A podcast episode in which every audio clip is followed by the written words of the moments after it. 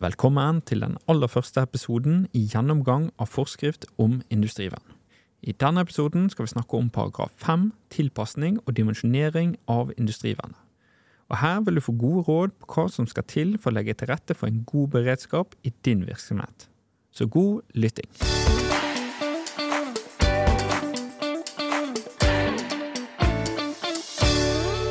Dagens gjester er vår direktør Knut Oskar Gilje og rådgiver Kristian Sundfer. Velkommen skal dere være. Tusen takk. Takk for det. Ja, denne paragrafen, hvorfor den er så viktig egentlig?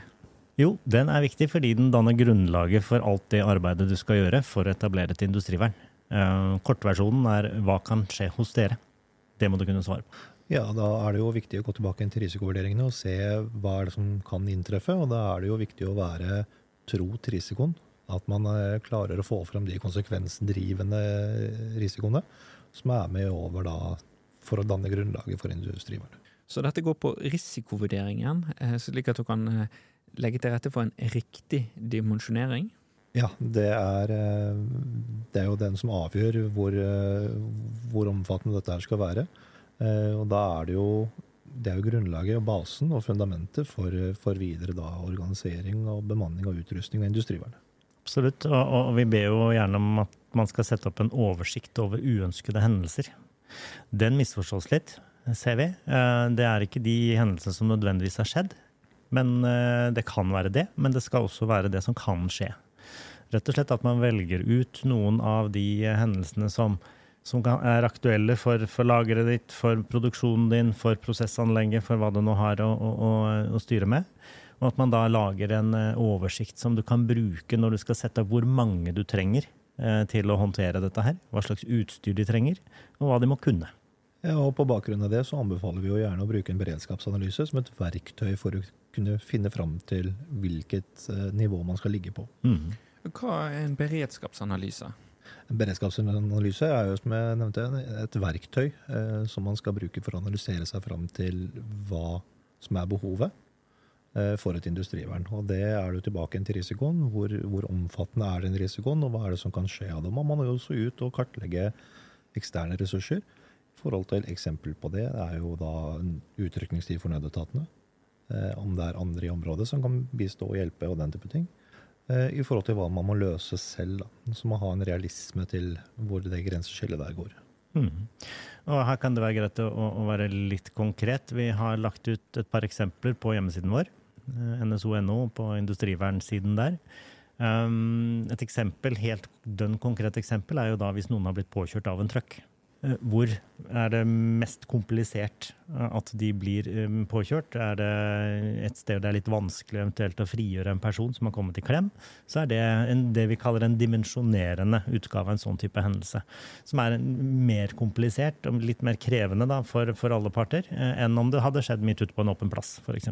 Så da, da, må du Jeg pleier av og til å si at du må, må spille av filmen. Altså hvordan ser du for deg at dette her foregår? Hva har skjedd? Og, og, og hvordan kan man da håndtere det. Da får du fort eh, opp et eh, behov for hvor mange personer som må være til stede for å få dette her i orden. Eh, da minner vi om at det er liksom hele forløpet. Hvem skal varsle? Hvem skal ut og møte nødetatene?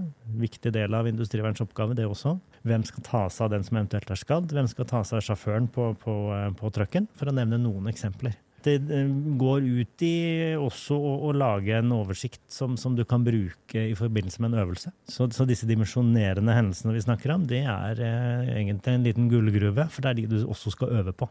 Og det sjekker vi når vi er på tilsyn. Vi skal se den sammenhengen. Så hvis man bommer på dette her, så, så kan det få følgefeil for resten av eh, paragrafene man eh, skal gjennom? Gjør det. Da, da er det litt sånn gjetting. Ja. Hvor, hvor, hvor, mange er det industrivernet? Sju? Ok, Hvorfor det, spør vi da. Nei, fordi vi var åtte, men så er det en som er blitt sjuk. Mm. Ja, det er typisk feil svar. Det skal komme frem gjennom at du har uh, vurdert alle de typer hendelsene som kan skje hos dere. Du da sitter igjen med ja, vet du hva, vi trenger to der, tre der og, og, og to der. Det blir sju. Og, og, det er en sånn type systematikk som vi ser etter. Det betyr at man har forstått det. Hvis man bare gjetter eller gjør det man har pleid å gjøre, eller vi har pleid å ha åtte, vi pleier å ha røykdykkere, ja, hvorfor det? Vi stiller sånne spørsmål. Ja, for vi ser jo når vi går på tilsyn, så, så er jo det dette med mm, at folk har gjerne røykdykkere, og så har de egentlig så har de det fordi det har vi alltid hatt. Men så har risikoen endret seg. Og da må du trappe ned, da eventuelt. Ja, og Da er det tilbake igjen til at du skal tro til risikoen og risikobildet. Og når vi er ute på tilsyn, så vil vi gjerne se en rød tråd ut ifra risikoen og de uønskede hendelsene, og videre utover i, eh, i organiseringen, bemanningen og, og utrustningen av industrivernet. Hvilke kvalifikasjoner de har, hva er det man øver på. Eh, Hvilket utstyr har man for å håndtere de hendelsene. Eh, Og ser vi at eh, det her ikke samstemmer med, med det som er realismen, så, så blir det jo å- gjenstand for avvik. Og det ikke, altså, det høres kanskje rart ut, men det er ikke noe vits å øve på det du ikke skal gjøre. Eh, Du må faktisk øve på det du har sagt kan skje. Og det ser vi en del eh, feil på, for å si det enkelt. Og da, som Kristian var inne på, da blir det avvik. Mm. Og da må de ofte levere en, en ny øvelsesplan som stemmer med den oversikten over hendelser som de mener kan, kan skje hos dem. Da. Og Det betyr at hver øvelsesplan er en veldig viktig sak i forhold til å gjøre industrivernet bedre og mer egnet til å håndtere de hendelsene som kan skje. Det er egentlig den eneste måten å bli god på, er jo å øve. Det kommer vi til å komme tilbake til i senere sendinger. Du var jo inne på dette med organisering, og på bakgrunn av dette så kan jo det bli eh, underdimensjonert eller overdimensjonert. Og, og det forteller jo egentlig bare viktigheten av en god analyse av det man faktisk har behov for. Absolutt. Og igjen, jeg nevnte så vidt i stad, dette her med å se for seg hele tidsforløpet. Altså det er fra varsling til eh, kall det utalarmering av, eh, av eh, industrivernets mannskaper, og så håndtering av de ulike fasene av en hendelse. Og da kan man fort trenge flere hender og hoder og, armer og bein enn enn man så for seg. Tar spesielt det med det å møte nødetatene. På, på det, flere av dere har jo store områder kanskje flere porter som kan brukes. Store lagrene har opptil ja, 40-talls eh, innganger. Eh, hvilken av dem skal ambulansen komme?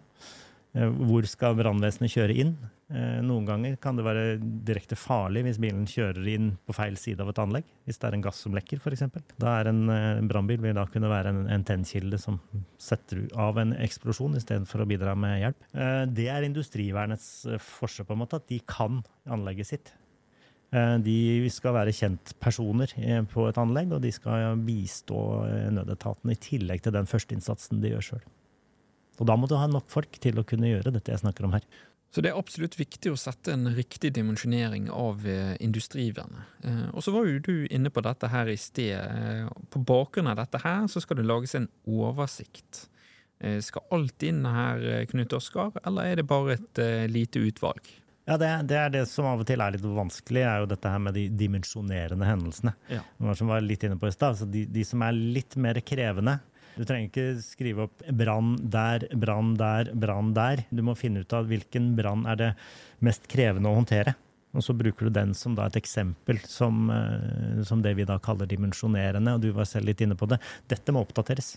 For dette kan bety eh, stor forskjell om man har flytta en produksjon, eh, om man har fått et nytt lager, nye kjemikalier man skal bruke osv. Så, videre, og så, videre. så vi skal se at denne her er oppdatert. Det er en vesentlig del av det å være oppdatert på risikobildet, som Kristian var inne på tidligere. Oppdatert, hvor ofte skal dette oppdateres? Så risikobildet skal jo oppdateres eh, jevnlig, også ved vesentlige endringer, eh, heter det seg. Eh, vi anbefaler jo selvfølgelig at det går, inngår i et årshjul, at man har en frekvens på Mm. dette her sånn, for å i hvert fall tvinge seg selv til å gjennomgå risikoen for å se om det er noen vesentlige endringer. Klart Er det en risikovurdering som ikke er gjennomgått og revidert siden si 2019, da, så er det jo åpenbare endringer som er blitt gjort. Og Da er det viktig at det man er med på den utviklingen og følger den. Så tenker jeg det, det, er, det er viktig å understreke at dette her er jo ikke noe dere skal gjøre for oss, eller spesielt for industrivernet. Dette er den overordna risikovurderinga som skal gjøres for å, at arbeidsplassen deres skal være så sikker som mulig. At dere skal være i stand til å levere produkter til markedet eh, hele tiden. At ingen skader seg på jobb. Altså, dette er en veldig viktig del av det forebyggende arbeidet også. Og så skal beredskapen være dimensjonert for å håndtere det som da som sagt kan skje. Eh, og da er det konsekvensene, og da, da, er det viktig å ikke la seg lure til å bare lage grønne uh, risikoanalyseresultater. Mm. De, dere, de, av dere som jobber med dette, skjønner hva jeg mener. Eh, ikke underdriv og ikke, ikke nedskaler risikoforhold fordi det ser pent ut i analysen. Vær ærlige. Du var mm. inne på det, Christian. Uh, der, dere lurer i beste fall dere sjøl, på en måte. Helt enig. Uh, mulig at dere greier også, men det er ikke viktig. Det er deres arbeidsmiljø, det er deres bedrift. Det er, det er rett og slett deres eh, brød og smør vi snakker om her. Mm. Jeg er helt enig. Er, hvis man ikke har tro til risikoen, så vil det jo til syvende og sist komme som en overraskelse da, når, når, det inntreffer noe. Veldig bra. Og vi kaller jo dette her denne paragrafen som er den viktigste. Uh, men så er det jo sånn at folk får avvik. Og hva er egentlig typisk avvik på denne paragrafen? Det er jo i hovedsak ofte at de ikke har etablert denne listen. Eh, så de ikke har gjort seg noen tanker om hva som kan inntreffe. De har gjort en, en risikovurdering, og i mange tilfeller så er det en god risikovurdering. De har ikke gjort seg noen tanker om hva dette her har å si for virksomheten og den beredskapen som, som da industrivernforskriften beskriver. Så de har ikke laget en oversikt over de dimensjonerende uønskede hendelsene? Ja, og med en konsekvens ut av det, så ser vi at den røde tråden videre utover, den blir brutt. Ja. Eh, fordi at man har ikke dimensjonert seg riktig i forhold til risikobildet. Og bare for å kommentere litt på det, det, Vi kan jo godt finne denne oversikten i et annet format enn at det står dimensjonerende uønskede hendelser, kolon, og så en liste. Eh, vi kjenner igjen det fra, fra det som er beskrivelser. Eh, kanskje særlig det aller beste er å finne det igjen i øvelsesplanene. Ok, Så dere øver på den typen eh, brannhendelser, dere øver på den typen personskader. Så fint. Det, det henger på greip med, med, den risikoanalysen dere har satt opp, og, eh, og, stemmer godt med det vi kjenner fra bransjen og, og det vi ser på tilsynet f.eks. Så det, det, er en veldig fin måte å, å, å, finne igjen eh, den oversikten som vi ber om. Så mm, dere skal lage dokumenter og, og dokumentasjon på, på, alle mulige formater, som er tilpassa det behovet dere har sjøl. Mm. Så skal vi alltid greie å finne fram. Og så må jeg jo legge til at uh, hvis industrivernet, de som er medlem av industrivernet, har en oversikt eller en, en, forståelse av hva de skal kunne håndtere, uten at man det skal kunne gå igjen i, i form av øvelser, uh, så vil jo det være en bedre forutsetning for de å kunne uh, lese seg opp og sette seg inn og be om kurs og utstyr mm. som de ser er nødvendig. Så at uh, den gjøres tilgjengelig for de er jo veldig viktig. Det hørtes jo ut som en veldig god idé, at de er kjent med hva som kan skje, slik at de kan bli best uh, mulig trent da, uh, til dette. Det er jo en forutsetning for å gjøre en best mulig jobb. Det blir veldig konkret. Mm. Dette er ikke papirøvelser eller noe sånt. Dette er en beskrivelse som man absolutt skal kunne kjenne igjen på sin egen arbeidsplass. Mm. Så derfor er det viktig at, at man legger litt Eh, energi i den jobben som gjøres. At man forstår risikovurderingene. Eh, vi vet en del får eh, oversendt risikovurderinger fra konsernhold og, litt sånn overordna varianter. Det er fint, men de må kanskje oversettes, sånn at de som skal håndtere dette i form av beredskapstiltak, da, hvis det skjer noe, som Kristian var inne på, de må faktisk skjønne hva dette går ut på. Mm. De må forstå at det kan oppstå en hendelse i halv A som vil få dramatiske konsekvenser, og som håndteres på en spesiell måte. Fordi det er sånn og sånn type kjemikalier, f.eks. Eh, som også er et poeng i forhold til kommunikasjonen med, med nødetater som kommer. Mm. Så de kjenner til de risikoforholdene som oppstår når en ulykke har skjedd også. For det er jo ikke sånn at alle typer ulykker er jo ikke ferdig idet det er eh, skjedd, rett og slett. Det kan jo være en, et potensial, en utvikling, som det er veldig viktig at uh, man også har med seg en sånn risikoforståelse. Det blir litt videregående, kanskje, men, men jeg tenker det er også viktig å ha med seg. Hvis, hvis en, en, en, eh, et kjemikalie løper løpsk, en prosess løper løpsk, man mister kontrollen, så, så, er det jo de som jobber i bedriftene, som, som har mest oversikt over det. Et brannvesen kan jo ikke har ikke kunnskap, antar vi, i, en sånn type setting. Da må uh, industrivernet være parat til å kunne formidle det også på en skikkelig måte, sånn at det, blir en uh, trygg og sikker jobb på dagen, uh, eller arbeidsdag for, for brannvesenet også, f.eks. Og så kan jeg jo legge til det at det er mange som setter bort dette arbeidet til eksterne leverandører.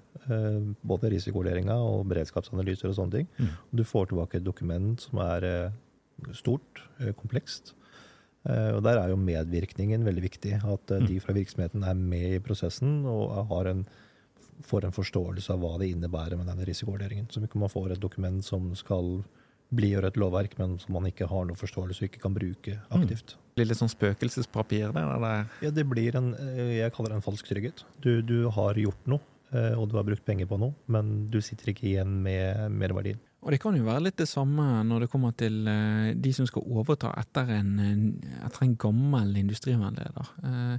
Så ser vi at mye eh, av kjerneforståelsen av dokumentene eh, glipper litt, da, pga. det er litt vanskelige dokumenter. Vi ser nok noen eksempler på det. Vi Mm. skal komme tilbake til eh, de forskjellige rollene og sånt eh, litt seinere. Men, men eh, igjen, så det, det grunnleggende er at man faktisk må forstå hva det dreier seg om. Og ikke gjøre det for komplisert eller for akademisk eller for avansert eller noe som helst. Det, det må tilpasses de som skal bruke det. Eh, de kan masse om de prosessene eller de produktene eller de, eller de eh, ja, lokalene man, man er i. Eh, det er jo derfor industrivernet er så bra som det er rundt omkring. Så det å få kobla opp den forståelsen for det som ikke er hverdagslige hendelser Så her kan det faktisk begynne å brenne. Her kan det faktisk eksplodere. Her kan noen falle ned. Her kan noen få noe på seg, eller klemmes, eller hva det er for noe. Eh, Det krever jo en, en forståelse og en forberedelse vesentlig i forhold til et industrivern. Både da på forhånd å og ha en forståelse for hva som kan skje, men også da en, en, en kunnskap om og en trygghet på at dette her, ja, det kan vi, for vi har øvd. Vi har øvd Mm. på det som faktisk kan skje. Ja, det er riktig det. Eh, Og jeg tenker at eh, vi skal begynne å runde av nå, men før vi gjør det, eh, har dere noen gode tips til denne paragrafen som dere ønsker at lytteren skal ta med seg? gjenta meg sjøl, det er jo en fin hobby, men det, det er dette med her å rett og slett forstå hva kan skje hos dere, og så ta konsekvensen av det. Ikke, ikke pakk det inn eller gjøre det for komplisert, som, som tidligere nevnt. Altså, forstå hva det betyr, og, og øv på det som, eh, som da er nødvendig og, og relevant for den, eller de hendelsene dere har. Og og aller viktigst, vær tro til risikoen. Veldig bra. Og jeg tenker, nå runder vi av episoden. Tusen takk til eh, deg og eh, Knut Oskar, og deg, Kristian, som har bidratt til denne episoden. Og ikke minst tusen takk til deg, lytter, for at du har hørt gjennom denne episoden. Jeg håper dette har vært til hjelp. Og eh, hvis du har noen spørsmål til eh, denne podkasten, så kan du sende en e-post til post.nso.no. Eh, Følg oss gjerne på sosiale medier, og god lytting videre i podkasten.